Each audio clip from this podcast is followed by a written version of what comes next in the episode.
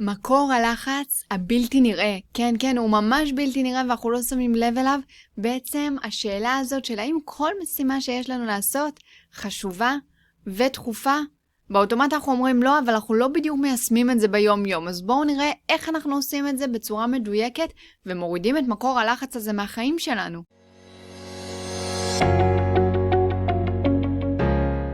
היום-יום שלנו בנוי ממשימות. חלקם חשובות יותר, וכמובן שחלקם חשובות פחות. אבל חשוב שנזכור שעומס, עומס של משימות יוצר לחץ. ולכן צריך לשאול את עצמנו, האם אנחנו עוצרים בכלל? האם אנחנו עוצרים לשאול את השאלה החשובה הזאת של מה חשוב לנו, מה דחוף לנו, מה יכול לחכות, האם אנחנו עושים סדר במשימות, או פשוט לוקחים את כולם כמובן מאליו וממשיכים לעוד יום עמוס ועוד יום עמוס עד שאנחנו מגיעים לשחיקה ולסטרס כרוני ולחרדות אפילו, או האם אנחנו עוצרים ובאמת באמת בודקים איך לנווט את הדברים. אז כשאנחנו לא עוצרים לרגע לנשום ולבדוק האם הכל חשוב ודחוף, אנחנו יוצרים לעצמנו המון לחץ שהוא מיותר. שימו לב, הדגשתי את המיותר, זה לא לחץ שחייב להיות בחיים שלנו. אז שאלת השאלות, האם הכל חשוב ודחוף? אז יש לנו כמובן משימות שהן גם דחופות וגם חשובות. כמו למשל, לקחת כל בוקר את הילדים לגן, נכון? זה גם חשוב וגם דחוף. קודם כל זה דחוף בגלל שהמשימה קשורה בזמן.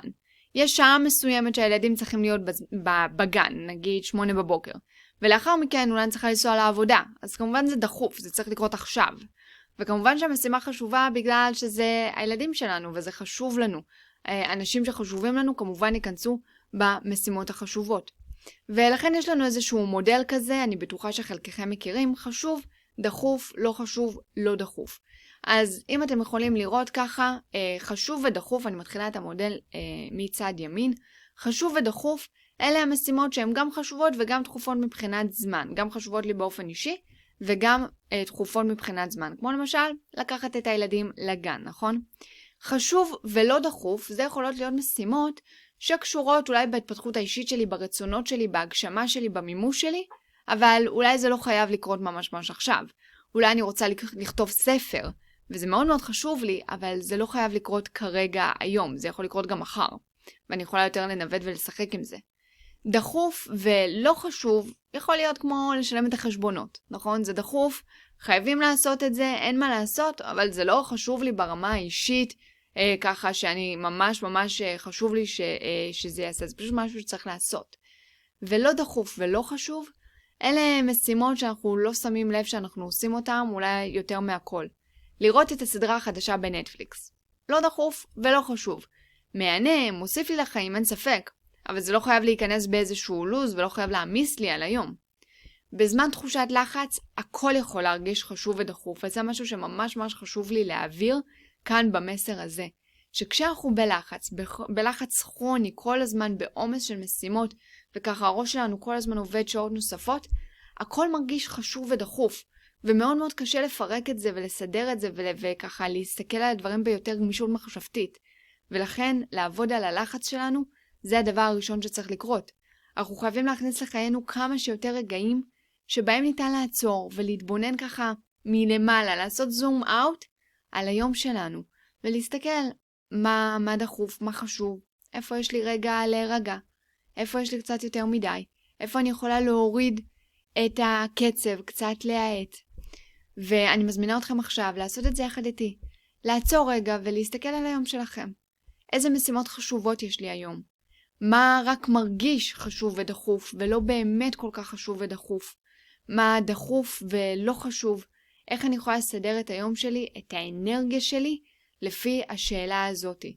ותזכרו, לשאול את עצמנו את השאלות, לבדוק עם עצמנו מה נכון לנו, מה פחות נכון לנו, מה חשוב לנו, מה פחות חשוב לנו, הולך לעשות סדר, הולך להוריד מהעומס, הולך לייצר יותר ויותר רוגע בחיים שלנו. אז תרגול מיינדפולנס של הנוכחות ברגע, ככה למי שחדש בערוץ אני אגיד מילה. מיינדפולנס זה בעצם היכולת שלנו להיות נוכחים ברגע ההווה, ללא שיפוטיות וללא התנגדות. אז ככה אם יש לנו אינסוף מחשבות ביום, בכל רגע ורגע, מיינדפולנס עוזר לנו קצת להרגיע, להשקיט, להיות נוכחים ברגע, ומשם לקבל החלטות ביותר מודעות, ופחות בלחץ וסטרס וחרדה, פחות מהמקומות האלו.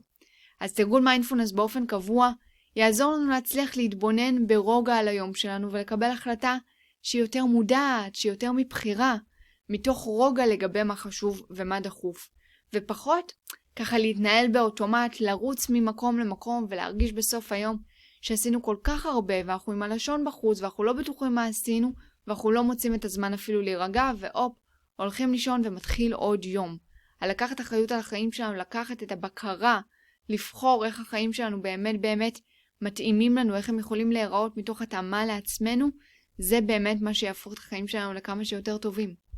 אז אני ממש ממש אשמח שאם אהבתם את התוכן, ככה תשתפו אותו עם לפחות בן אדם אחד, או תשאירו לי תגובה, או תירשמו ככה לערוץ, ושאני אוכל להמשיך לייצר לכם כמה שיותר תוכן על מיינדפולנס, על רוגע, על חיוביות, על מודעות, שיעזור לכם להפוך את החיים שלכם לטובים יותר.